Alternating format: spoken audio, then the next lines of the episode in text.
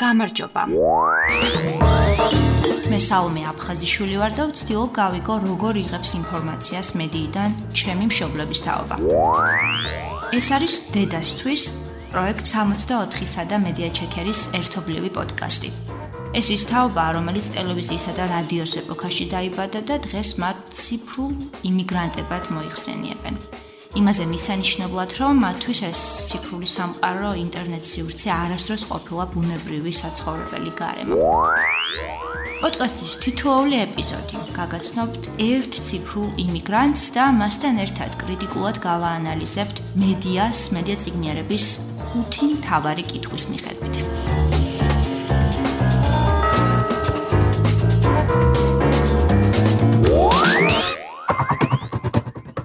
ვინ შექმნა ამბავი? რა მეთოდებია გამოყენებული ჩემი ყურადღების მისაპყრობად? როგორ აღიქვამს ერთსა და იმავე გზავნილს სხვადასხვა ადამიანი? რა იდეოლოგია დგას ამ ამბის უკან? პოდკასტის ამ ეპიზოდის გმირი თერჯოლიდან არის. რეგიონში ვერ ჩავედით, ამიტომ გადავწყვიტეთ გამონაკლისი დაგვეშვა და ეს საუბარი Zoom-ის პლატფორმაზე შემდგარიყო. ბევრისთვის ალბათ ნაცნობია ეს სიტუაცია, ვინც დღეს Zoom-ში მუშაობს ან Zoom-ში ესწრება ესწრება გაკვეთილებს. ამიტომ ჩვენც გადავწყვიტეთ, რომ Zoom-ში ჩაგვეწერა ეს ეპიზოდი. კამერები გამორთეთ იმისთვის, რომ ხმის ჩაწერა არ შეფერხებულიყო ინტერნეტთან დაკავშირებული სირთულეების გამო და მახსოვს, რომ გამორთული კამერის უკან რამდენჯერმე ძალით შევიკავე გაღიმებისგან და გაცინებისგან თავი, თუმცა მაინც მეცინებოდა მახსოვს ხმამაღლა, გავიღიმე, გავოცდი, აი გაოცებისაგან რაღაც თვალები გამიფართოვდა და რა იყო ამის მიზეზი, რამ გამოოცა? პირველ რიგში ის რომ საკმაოდ გაბედული ადამიანი აღმოჩნდა ამ პოდკასტის გმირი, იმიტომ რომ ის თვითონ გამოგვეხმაურა ამ ჩანაწერში, აი ამ ეპიზოდში მონაწილეობის მისაღებად. და ასევე გამოოცა მისმა განსაკუთრებულმა სიფხიზლემ ციფრულ სივრცეში ინფორმაციის დამუშავების თვალსაზრისით. აი მაგალითად ნინო სურგულაძე რომ ნახეთ წეღან ნინო სურგულაძე შეიძლება უამრავ ადამიანს კონდეს გაკეთებული ფეიქ გვერდი მაგრამ ის როდესაც აი ესეთი ნიშანი აქვს ვიცი რომ არის მისი ოფიციალური გვერდი. ну აი ესე აი ესე ვანსხვავებ მე. რა შეიძლება ვთქვათ არის რომელიმე ინფორმაცია. აი მაგალითად და გადავდივარ იმ გვერდზე, სხვა შორის ძალიან ბევრი ფეიკებია და ამიტომ ვწtildeობ ხოლმე რომ აი არ გავება იმის მახეში, იმიტომ რომ მინაგვიანდება ძალიან ხოლმე ეს ნერვული სისტემა თუ რა ვიცი რა დავარქვა. და ამიტომ გადავდივარ ამ გვერდზე და რამდენად სანდოა იქ ეთყობა თქვათ გამოქვეყნებულია ხო? და გადავდივარ იმ გვერდზე თუ ზოგჯერ არის ისეთები აკომენტარები რომლებიც არ არიან რეალური ადამიანები. ადვილი გასაგებია თქვა თუ ეს ინფორმაცია გადამიყვანს ისეთ საიტზე სადაც ამ საიტს აქვს ოფიციალური სახე ესე იგი მაინც არის ნორმალური ინფორმაცია, ხო? იმის იქეთ წერია ის, ვისი ვისი დაწერილი, აი დაიჯესტის დაწერილია თქვათ თუ ამბებიჯია თუ რა ვიცი ესე რომ თქვათ ესეთი ოფიციალური ინტერნეტ გვერდები. თუმცა როცა გადადის ის ფეიქ გვერდებზე, იმას ეთყობა, რომ აი ჩამქრალია მისი კომენტარიც არის ის ადამიანი რეალური არ არის, ესე რომ თქვა, მასზე გადასვლა და გააგება ვინ არის, არ შეგიძლია ეს ნიშნავს, რომ არარეალური ადამიანის დაკომენტარებულია, ხო? იყო ადრე ამას წინათ რაღაცა გასახდომი, რაღაცა პროდუქტი. ხო და ნუ დავინტერესდი, იმიტომ რომ მთელი ჩემი ცხოვრება ამ წონას ვებძვი და გადავედი, დავინტერესდი, მაგრამ ერთი რეალური ადამიანიც არისო, იყო რაღაცა გვარები, სახელები, ნუ რაღაც მე ასე ვქენი, მოვიკელი, ასე ვქენი, ისე ვქენი, მაგრამ არც ერთ ადამიანთან შენა მე არ შემეძლო დავკავშირებოდი ნამდვილად მეკითხა. იმიტომ რომ სწორად ვამბობ თუ არა, აი ჩამქრალი გვერდს ვეძახი, როცა არ გადადიხარ მის გვერდზე, ხო? წერია სახელი გვარი, მაგრამ არ არის რეალური. ჩამქრალი გვერდიო ეს ახსენა ქალბატონმა მარეხიმ და რომ მოусმინე, რამდენჯერმე მოусმინე და მივხვდი რა კარგი ქართულით აღწერა ის მახასიათებელი, რასაც ჩვენ მივაწერთ ხოლმე ბოტებს, ტროლებს და ფეიქ გვერდებს სოციალურ სივრცეში, სოციალურ მედიის სივრცეში, ხო? რამდენჯერ მიფიქრია მე თვითონ ამაზე, ამ ფენომენის აღწერაზე, რასაც ეს მახასიათებლები შეადგენს, ხო, ფეიქ გვერდების, მაგრამ არ არასდროს ესე უცბად ხარტა და არ მომსვლია თავში ეს ორი სიტყვა შეთანხმება ჩამქრალი გვერდი, რომელსაც მე ძალიან კარგად ხსნის მოგვიანებით ჩვენი პოდკასტის გმირი. ამ კიდევ რა მომხიბლა და რატომ მეღიმებოდა, ხო, ამ ადამიანის მოსმენის დროს? მომხიბლა მისმა განსაკუთრებულმა ცნობის მოყარეობამ და გამორჩეულმა იუმორმა, იმერულმა იუმორმა. მედია ციგნიერება რომ მითხარი დავწერე, დავგუგლე, იმიტომ რომ არ შევცხვე მეთქი სალომესთან და ნუ ეხა ციგნიერება როგორ არის, მედია როგორ არის, მაგრამ შეერთებული ეს ორი სიტყვა, სიმართლე გითხრა, არ ვიცოდი. ეგ კი არა პოდკასტი რომ დამჭირდა, უბრალოდ მაისში რაღაცა ღონისძიება ქონდა სკოლაში და ბავშვებმა მეთქეს მასწავლებლო პოდკასტი გავაკეთოთ და Google-ე იმის შემდეგ პოდკასტი არ ვიცოდი რა იყო. ბავშვებო, რატო არ არის მეთქი ეს მე როცა გავიგე? ინტერვიუ ინტერვიუ ამას რატო არ ქვია მეთქი და რატო მასწავლებლო და ინტერვიუ არისო, კითხო პასუხიო და პოდკასტი არისო, აი ეს რასაც ახლა მე ვთხარი ბავშვებო ეს არის ჭორაობა თქო მე ვთხარი იმიტომ რაღაცა პოდკასტები ვნახე მე მე ისა ინტერნეტში, ხო და ანუ ორი ადამიანი ზის და საუბრობს და ეხლა ჭორაობა რა თქმა უნდა ცუდი სიტყვა ამ ამ კონტექსტში, მაგრამ ანუ ადამიანები ასრს უცვლიან ერთმანეთს, აი ერთ შენი დღეს დავსვედით მე და თქვენ ყავასთან, ან თქვენ რაღაცა და აი საუბრობთ, ხო და ეს პოდკასტი ესეთი სიტყვა რატო შემოვიდა თქო მართლა ერთი ორი გაკვეთილი კიდევაც ვიდავე რატომ ქვია ასეთი რთული სიტყვა ამ ყველაფერს თქო ნუ თუ ქართული სიტყვა არ იყო თქო და მე ბავშვებმა გააკეთეს შესაბამისად რაღაც თემა იყო და მოკლედ ეს მაისში მოხდა რომ სიტყვა პოდკასტი გავიგე. მაგრამ აი ემოციებისგან ყველაზე მეტად თავის შეკავება მაშინ გამიჭირდა, როცა მითხრა, რომ Facebook-ზე უკვე რამდენიმე წელია, რა თქმა უნდა, არის აქვს Facebook-ის ანგარიში, მაგრამ აღმოჩნდა, რომ სულ რაღაც ორი ჯგუფის წევრია და ხუთამდე გვერდი აქვს დალაიქებული. აი ეგერ ახლა ნინო ჩხეიძე გამომიწერია, ტახა კალაძე, ახალი ამბები, პირველი არხი პოლიტიკა, გინდა არ გინდა უნდა აუცილებლად მოდი დაუბრუნდეთ ისე უკან. პირველი არხი ფსიქოლოგია ძალიან საინტერესო ფსიქოლოგიის რაღაც ტრენინგებს გავდივარ ხოლმე ფსიქოლოგია. აი ეს გამოწერილი გვერდები რაც გაქვთ პრინციპში ამითი ფაქტიურად თქვენ შეზღუდეთ ის სხვა გვერდები რომლისგანაც არ გინდათ ინფორმაციის მოძიება. ხო მხოლოდ ის ჯგუფები გაქვთ ძალიან ბევრი. აი გეტყვით ახლა ამას წინათ ერთმა ახლობელმა გოგომ დამამატა სივრცე ქალური საუბრებისათვის და იმდენად ბევრჯერ აი გეტყვით ახლა შევედი ადამიანების მდგომარეობაში რომ დავიღალე და გამოწერა გავაუქმე. იმიტომ შევდიოდი როლებში ნერვიულობდი ვიღაც რაღაცას და აქ არის ახლა არ გამოჩნდა ის გვერდი მეც შვილი ვარ და ამას სიამოვნებით ვკითხულობ ხოლმე იმიტომ რომ ქალის უფლებებზე და იმაზე ძალიან გართულებული მაქვს ეს მეც შვილი ვარ არის ესეთი გვერდი და სულ გულშემატკივრობ იმ გოგონებს რა ვიცი საინტერესო არის ხოლმე რა ვიცი ქალის უფლებებს უფლების დარღვევას უფრო სწორად ვიდრე ქალის უფლებებს და მოკლედ და ვიცი ბევრი ასეთი ზოგი საქველმოქმედო ფონდია. სიმართლე გითხრათ ასე ცოტა არ მეგონა. აა ძალიან საინტერესო. მე თვითონაც გამიკვირდა. მე მოწონებულ გვერდებში რომ შეხვიდეთ ეხა ანუ დავინტერესდი უნდა შევიდეს. ალბათ ანუ 200-ზე მეტი გვერდი მაქვს, მაგრამ ალბათ არ მახსოვს როდის მოვიწონე. ანუ მაგაზია საქმე რომ მე ძალიან გამიკვირდა თითქოს ეს მომღერალი ვარ. ნინო სურგულაძე, თამუნა და ნინო ჩხეიძე, ნუ ფსიქოლოგია თუ სადმე ვნახი, გარ ამაზე მეტიც უნდა ყოფილიყო, თუ სადმე ვნახი, საერთოდ ძალიან ბევრ ტრენინგებს ვესწრები, ფსიქოლოგების ფსიქოთერაპია, რა ვიცი, ინგაბლესი დაწყებული ხათნა მოზაშვილი და არ ვიცი, მოკლედ ძალიან ბევრი. ასე გამოდის ხო და სალომე სიმართლე გითხრა არ ვიცი. 54 წლის მარეხი მემანიშვილი თერჯოლის მეორე საჯარო სკოლაში მათემატიკას ასწავლის, წერს ლექსებს და ნოველებს, ასევე მოთხრობებს და თავის ლიტერატურულ ჩანაწერებს აქვეყნებს თავისუფე Facebook-ის გვერდზე, რომელსაც ესე ქვია მე ზღვავარ და ასევე ბლოგზეც აქვეყნებს თავის ლიტერატურულ ჩანაწერებს. დავიკითხოთ ეს ლექსი, მაინტერესებს. მე წავიკითხე. მე წავიკითხე. დიახ. გამხატე. ფერადი ფუნჯებით მოხატე. ძაფებით მოქალი აშლილი ვნებები. გამხატე. თითები ჩემს მხრებზე ნერვით ფრთებიან. ამ ილუზიების და შენი მსხვერპლი ვარ. ფერადი ფუნჯების ნერვული შეხება.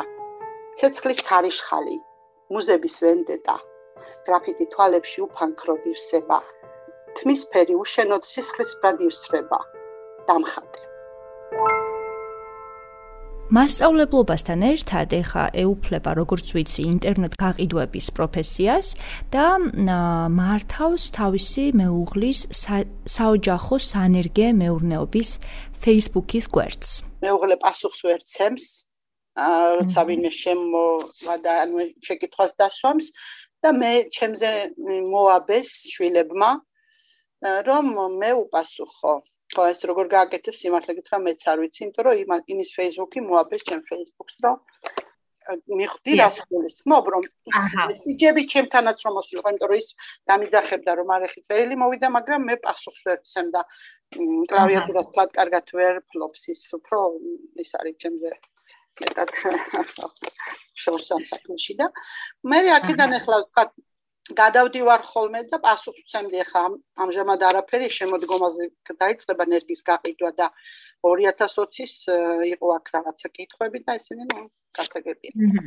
ჩვენი საუბრის დროს ვკითხე ონლაინ სწავლების გამოცდილებაზე, იმიტომ რომ უკვე მეორე წელია ხო ის ონლაინ ასწავლის მოსწავლეებს და მითხრა რომ ჩემი უპირატესობა იმაშიაო რომ ინფორმატიკის და გამოთვლითი ტექნიკის ფაკულტეტი მაქვს დამთავრებული და ძალიან არ გამიჭირდაო, მაგრამ მაინც ძალიან სპეციფიკურ საგანს ასწავლის, ეს არის მათემატიკა და მაინც ნუ ხო მარტივი არ იყო, მაგრამ ისევ და ისევ მისი ცნობის მოყარეობის გამო, რომელიც გამორჩეულად აქვს მას, რამდენიმე პროგრამა ვისწავლე, რომ გამეადვილებინა მათემატიკის სწავლება მოსწავლეებისთვისო. და ასევე ამავე დროს დამიზუსტა, აი რა ისწავლა აი ამ კრიზისში, რომელიც პანდემიამ შექმნა განათლების სისტემაში. პირველ რიგში მასწავლა ინფორმაციის მოძიება, გაცილებით უფრო მეტი ინფორმაცია მოძიება დავიწყე მეტი ინფორმაციის, იმიტომ რომ ბავშვებისთვის ონლაინ გაკვეთილები საინტერესო უნდა ყოფილიყო. შემდეგ ვისწავლე სხვადასხვა პროგრამები. რა მასწავლა? ის მასწავლა, რომ ჩემ თავთანაც გაცილებით უფრო მეტი უნდა მემუშავა. იმიტომ რომ ფიზიკური გაკვეთილი არის მხოლოდ, თქვათ ასე, რომ თქვათ, ჩემ ინტელექტზე დამოკიდებული და დისტანციური გაკვეთილი მხოლოდ ჩემზე აღარ არის დამოკიდებული, იმიტომ რომ იქ დაფასთან დგახარ, ცარცი გაქვს, თქვათ, რაღაცა რესურსი ადვილია უფრო და აქ უკვე რესურსები ინტერნეტ რესურსები გჭირდება და თქვა ის ნახევარი საათი როცა გავკვეთილ უნდა დაუთმო დისტანციურ სწავლებაზე ვამბობ. ბავშვისთვის საინტერესო თუ არ იქნა უბრალოდ გაგიტიშავს და გავკვეთილზე არც კი დაესწრება და ამის არანაირი არანაირი შემაკავებელი არ აქვს. თქვა ბავშვი არ დაგესწრება თუ არ იქნება საინტერესო გავკვეთილი ისიც მითხრა რომ ბავშვებისგანაც ბევრს ვსწავლობო და ეს სპეციალურად გაუსვა გაუსვა ამას ხას იმიტომ რომ ეს პოდკასტიც და ზოგადად ჩემი შეხედულებაც მედია ციგნერებაზე და ზოგადად ციფრულ ციგნერებაზე ყოველთვის მოიაზრებს ხოლმე ორ სხვადასხვა თაობას და აი ამ თაობებს შორის თანამშრომლობას და კოლაბორაციას. არასდროს არ არის ჩემი აზრით მედია ციგნერება ცალმხრივი სწორხაზოვანი ერთი კონკრეტული თაობის ამ შემთხვევაში ახალგაზრდების ბავშვების ცხოვრების დაცვისკენ მიმართული, არამედ ეს არის თანამშრომლობაზე დაფუძნებული პროცესი და ყოველთვის მივესალმები განსაკუთრებით დიდ ხასს უსვამ ხოლმე იმას, როდესაც ბავშვებიც და უფროსებიც ამბობენ, რომ ჩვენ ერთმანეთს ვასწავლით რაღაცას და ამისთვის ღია არის ორივე თაობა. ინფორმაციის მიღების გზებზე ვკითხე, ყოველს ვეკითხები ხოლმე რა თქმა უნდა ამას ჩვენი პოდკასტის გმირებს და მითხრა რომ ძირითადად Facebook-ს ვიყენებო, Facebook-იდან იღებს ინფორმაციას, ეკონტაქტება კოლეგებს, ნათესავებს, მეგობრებს, მის მკითხველებს და სანამ ამაზე როცა ამაზე მესაუბრებოდა, ვთხოვე რომ ეჩვენებინა ეს გვერდები, გაეზიარებინა ეკრანი, ხო Zoom-ი ამის საშუალებას იძლევა და ვთხოვე რომ გაეზიარებინა ეს ეკრანი და რაღაცნაირად ეჩვენებინა აა აი როგორ იღებს ეს ინფორმაციას? მაქვს საქველმოქმედო ფონდი, ნუ გამოარჩევ. ეს არის მშობელთა კრება, მშობლებს რომ დაუკავშირდე მეორე საჯარო სკოლის მათემატიკაც. აქ მოვდივართ, როცა ერთმანეთი მოგვენატრება, თქვა ეს არის ჩემი მეგობრების გვერდი და ეს არის ყველა მე ზღვავარ, ეს არის ჩემი ნაწარმოებების, აქ ვაქვეყნებ ჩემს ნოველებს, მოთხრობებს და ლექსებს.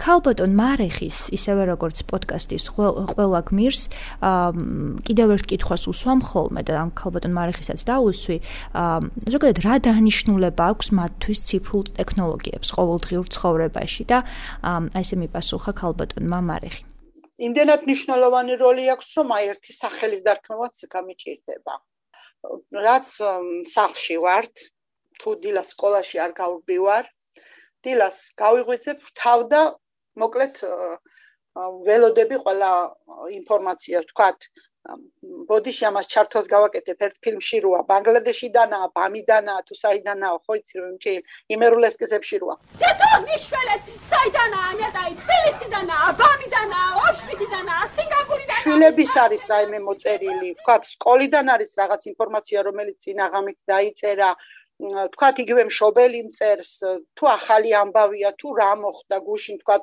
წყალდიდობა რო იყო თქვათ რა მოხდა აი სად რა მოხდა ყველაფერს Facebook-ით ვიგებ.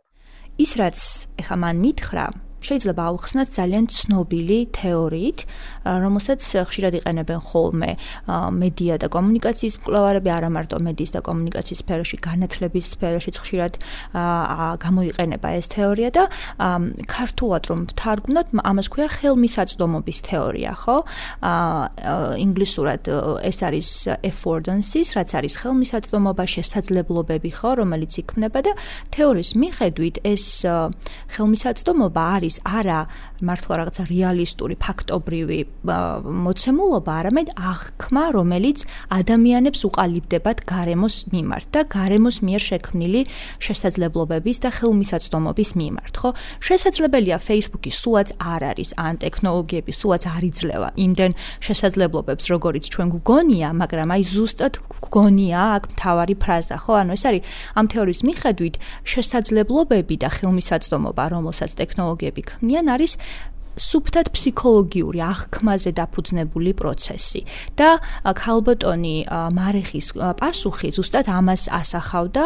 გარდა ამისა არ მარტო ქალბოტონი მარეხის ყველა სხვა ეპიზოდის გმირის რომელიც წინა ეპიზოდებში მოვისმინეთ და გავიცანით. და მე თვითონაც ხო ჩვენ თვითონაც ყოველდღიურად აი ასეთ აღქმას ვანიჭებთ უპირატესობას რომ ტექნოლოგიების გარეშე დღეს ცხოვრება წარმოუდგენელი ხო ნუ ეს გახდა რაღაცნაირად უკვე მივიღეთ ეს მოცემულობა სინამდვილეში ეს არის ფსიქოლოგიური აღქმა. ხა სიღრმეში აღარ წავა, ისა დაუბრუნდებით ჩვენ ძალიან საინტერესო რესპონდენტს. მას შემდეგ რაც გავიცანით ქალბატონი მარეხი, მე მგონი არ გაგვიჭirdება იმის მიხვედრა, როგორ გაართვა თავი მან მედია ციგნიერების ექსპერიმენტს, რომელსაც პოდკასტის მეორე ნაწილს ვუთმობთ ხოლმე.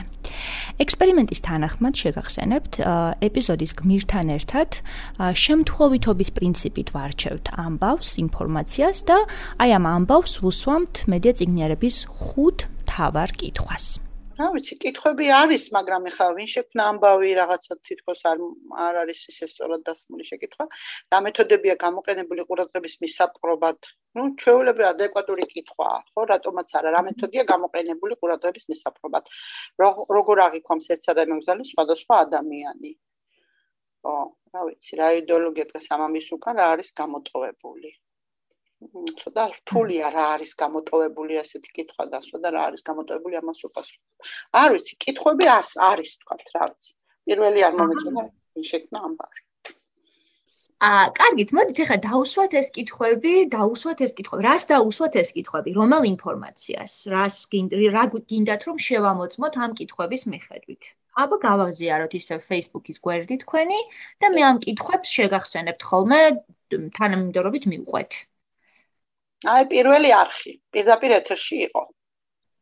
საქართველოს ბანკის ოფისში შეიარაღებული პირი შეიჭრა 23 საათი აწერია.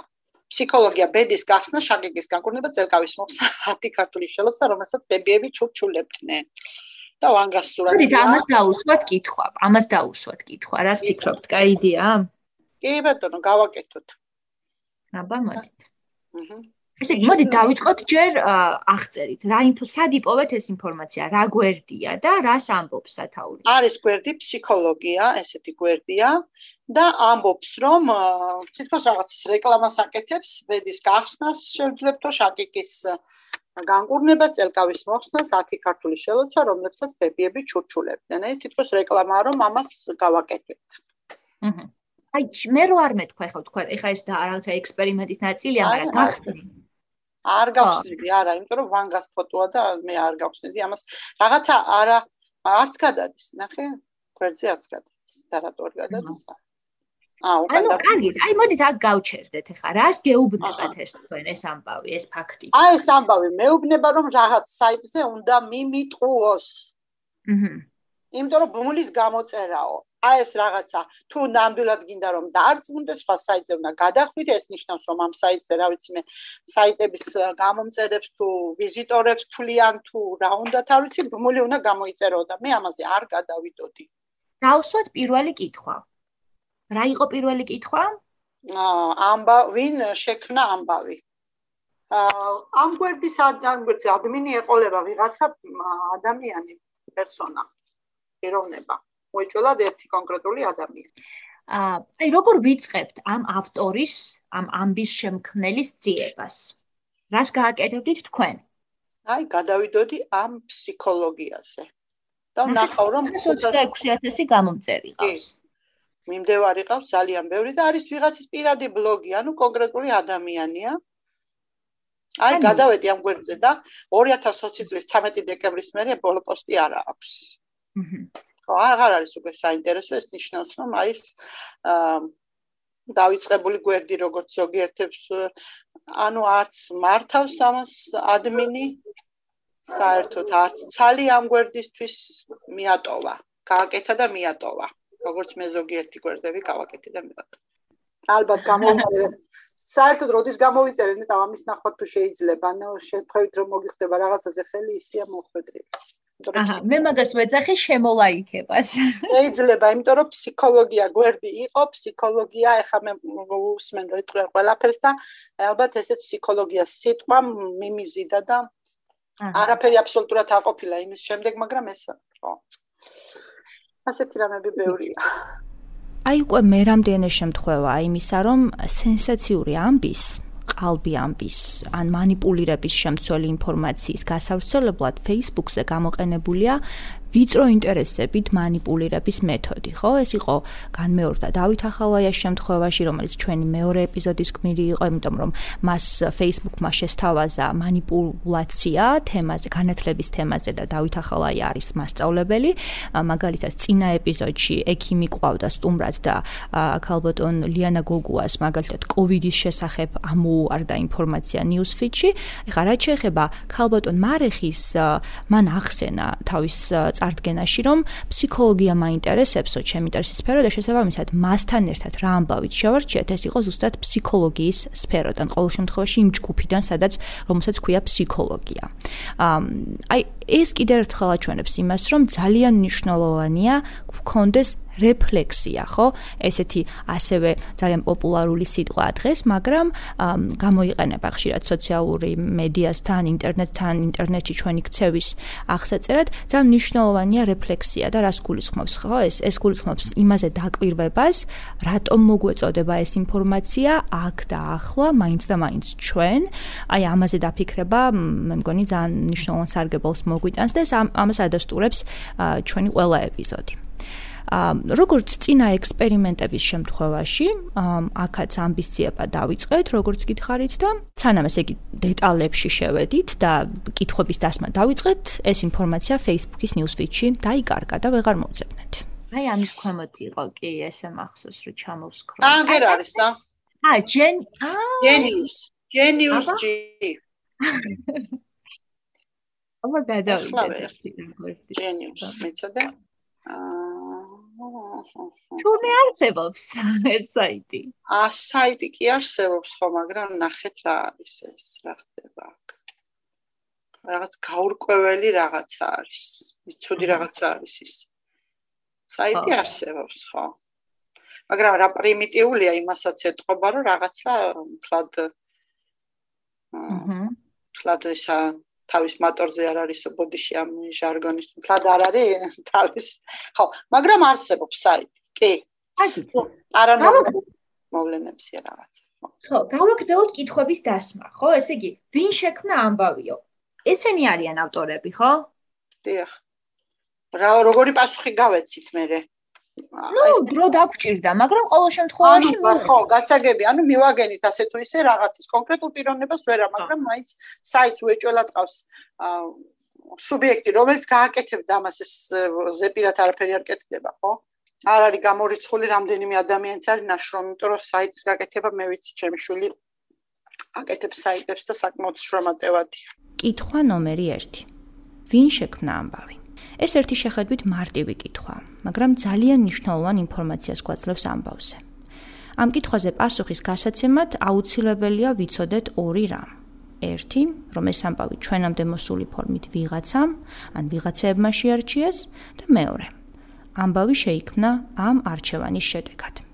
რომ შევაჯამოთ აი ამ პრაქტიკული საძიებო, ასე ვთქვათ, ექსპერიმენტის შემდეგ, თქვენი აზრით რა პასუხს მოითხოვს?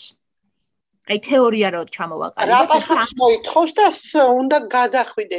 თქვათ თუ რაიმე საკონტაქტო ინფორმაციაა ამას თუ გულისხმობთ თუ სალონეს სწორად ვერ გავიგე შეკითხვა არ ვიცი.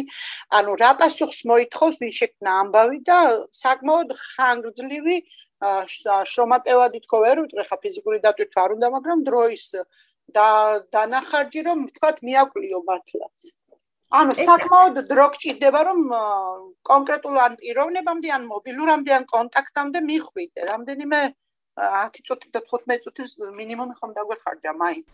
კითხვა ნომერი 2 რა მეთოდებია გამოყენებული ყურადღების მისაპყრობად?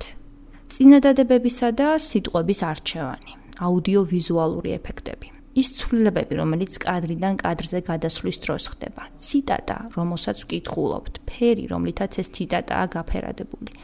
ეს ერთი შეხედვის ტექნიკური დეტალებია, მაგრამ გამოყენებული იმისთვის, რომ აუდიტორიის ყურადღება მიიპყროს.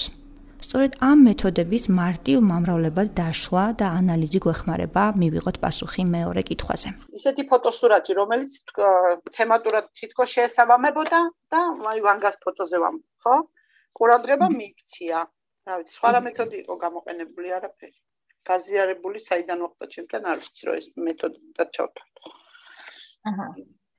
ხო, აი სათაური იყო ინტრიგნული კი არ ქვია, რაღაცა უფრო რა უნდა დავარქვათ ესეთ სათაურს. გამო გამო გამოწვევა, გამომწვევი.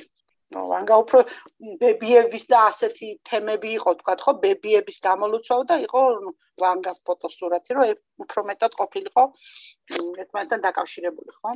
კი ბატონო და დამაჯერებელი. ხო აი დამაჯერებლობას ვამბობ კი. ეხა თეორი აი თეორიულად რო ვუპასუხოთ. ესე იგი ეს კითხვა რას მოითხოვს კითხველისგან ა მაყურებლისგან? რა ტიპის პასუხს მოითხოვს?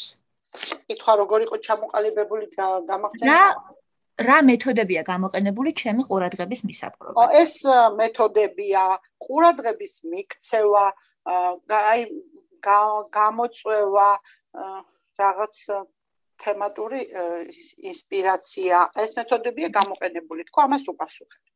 ყურადღების მისაქცევი ფოტოები, სათაურიც ისა თქო, გამომწვევი თემასთან მიმართებაში თქო. ესე გავცემდი პასუხს. კარგი, გადავიდეთ მესამე კითხვაზე, რომელიც ამბობდა, რომ როგორ აღიქვამს ერთსა და იმავე გზავნილს სხვადასხვა ადამიანი. ეს კითხვა ინტერპრეტაციების მრავალფეროვნებაზეა. ანუ ერთსა და იმავე ამბავს დედა და შვილი, სტუდენტი და პროფესორი, ქალი და კაცი, ბებია და შვილიშვილი, დასაქმებული და უმუშევარი, უფრო ზუსტად რომ ვთქვათ, ორი საუკეთესო მეგობარიც კი სხვადასხვანაირად აღიქვამს. ამიტომ კითხვა ნომერი 3 გვეხმარება გამოვიკვლიოთ ინტერპრეტაციები ერთი და იმავე ამბავზე. აჰა, ასე გებია. არის მაგის შესახებ ადამიანების რამდენიმე კატეგორია. რომლებიც ყველაფერი, რომლებსაც ყველაფერი სჯერათ, რომლებიც საღად მიუდგებიან და ფეიქს მიხვდებიან და ნამდვილ ინფორმაციას განასხვავებენ და მესამე კატეგორია არის რომლებიცაც არაფრის არ სჯერათ. ანუ სამ კატეგორიად დავყოფდი მე ახლა ჩემი ნაცნობი ადამიანების ირგვლივ მყოფების კატეგორიებს. ერთი რომელიც ყველაფერს იჯერებს და გამუდმებით ლაპარაკობს ბოდიში და მე სისულელეებზე რომ თითქოს ვანგამ ესე თქვა და ბებიების და მოკლედ ზუსტ ერთ-ერთი იღებს ინფორმაციას ვიღაცა გადაამოწმებს და უი არ ყოფილა ეს ისეთი სანდო ინფორმაცია და რა არის სისულელია ამის დაჯერება რა სისულელია და ასე შემდეგ და კატეგორია არის რომლებსაც არაფრის არ ჯერათ არიან ასეთი скеპტიკოსი ადამიანებიც. რა ვიცი სალომე ვინ როდის როგორ რანაირად თქვენი აზრით თქვენს სანაცნობოში რა კატეგორიაც ახლა თქვენ ჩამოთვალეთ სამი. იქნებოდა ისეთი ვინც დაიჯერებდა ამას? კი იქნებოდა. კი. ჩემი მეუღლე მაგალითად, რომელიც ყველაფერს იჯერებს და აქედან რომ გავდივარ, ათას ინფორმაციას დამიწყებს მოყოლას და არ არის ეგ მართალი ვეუბნები ესესი არ იქნებოდა. არა კი ის ეწერა იქ. ანუ თუ ეწერა მაინც გონია რომ რადგან წერია სადმე და ნუ ინტერნეტში წერია ეს ნიშნავს რომ მართალია. მეორე დღეს თქვა საპირისპირო ინფორმაცია ან თქვა პოლიტიკა არის და მეორე ადამიანის მეორე მხარე თქვა თავის მხარეს ხომ ან იმართლებს თავს ან თავის მხარეს ლაპარაკობს არა უი ასე ყოფილა. ნუ ამაზე ხშირად თქვა კამათობთ ხოლმე. მესამე კატეგორიას გამოყოფთ ჩემ კოლეგებს მასწავლებლებს რომლებიც ასევე ასევე არიან სამივენაირი კატეგორიის ამ კითხვის არსი ის არის რომ ჩვენ გავარკვიოთ ჩვენს ირგვლივ ადამიანები ვინ როგორ იღებს ინფორმაციას. მე ასე მგონია ხო?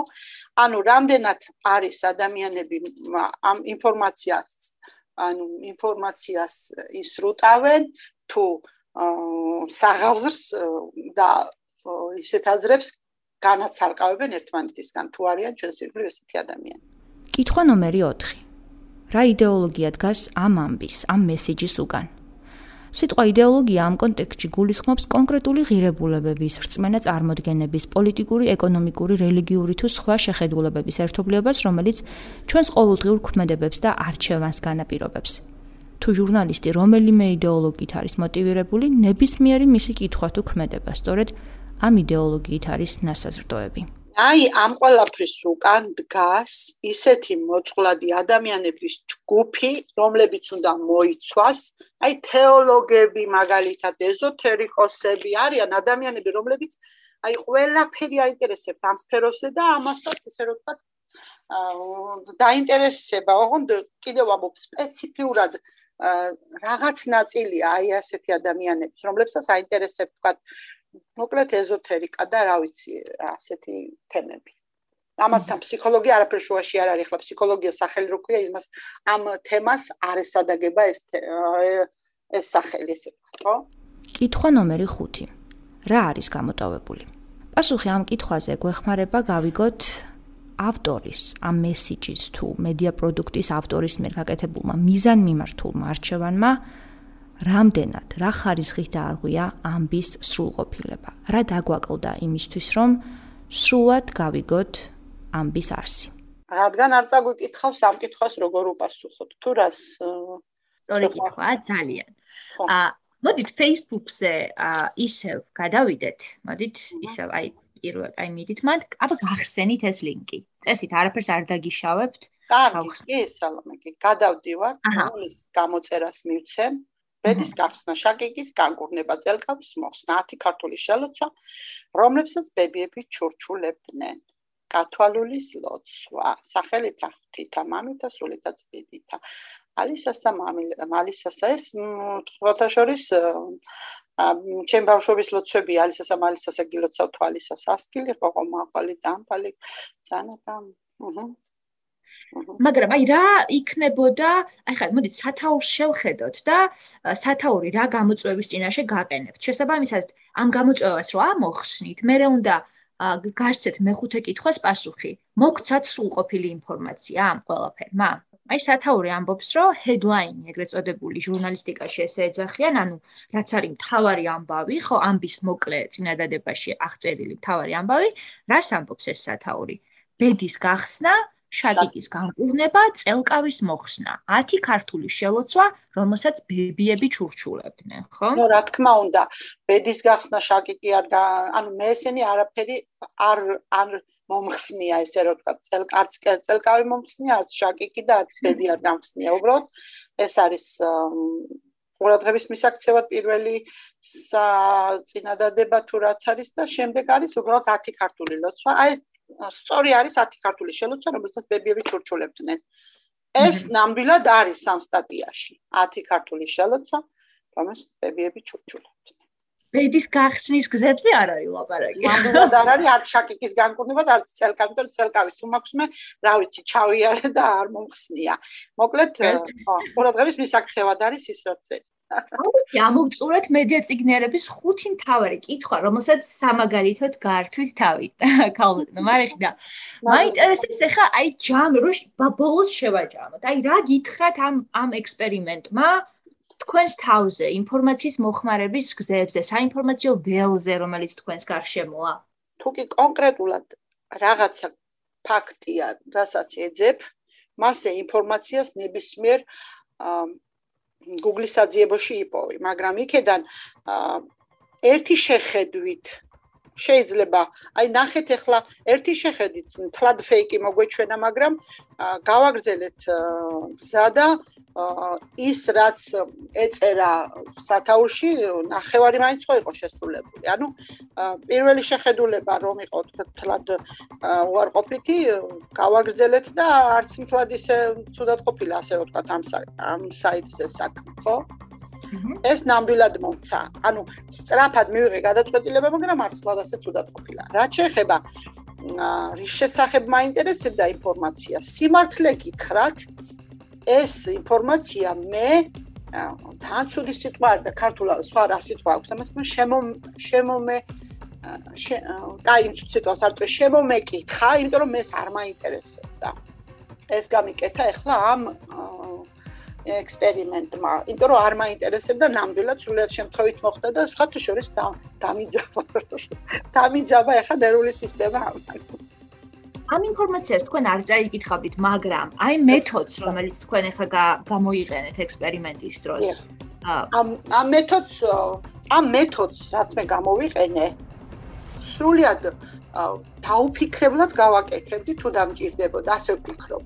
ხო აი რა ვიცი ხა არის ხოლმე ზოგჯერ ვირუსები არის მაგრამ ძალიან ბევრი სხვათა შორის გადასულ არ იმ ვირუსებზეც და მოტყუებულ არ იმიტომ რომ ვერ გამიგი ამ ბოლოს იყო ძალიან ისეთი ვირუსი რაღაცა და ყოველთაო ხო რაღაცას თითქოს გჩუქნიდა ნუ არ ვიცი თუ დამჭირდებოდა ამ ინფორმაციას გავყვებოდი და გავყვებოდი ბოლომდე. რა ვიცი თუ ჩემი ინტერესის სფერო იქნებოდა.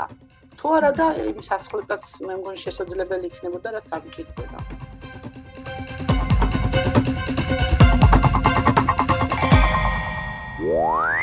ეს იყო დედასთვის. პროექტ 64-ისა და მედია ჩეკერის ერთობლივი პოდკასტი, რომელსაც იპოვით პროექტ 64-ის ყველა პლატფორმაზე. მე სალომე აფხაზიშვილი ვარ.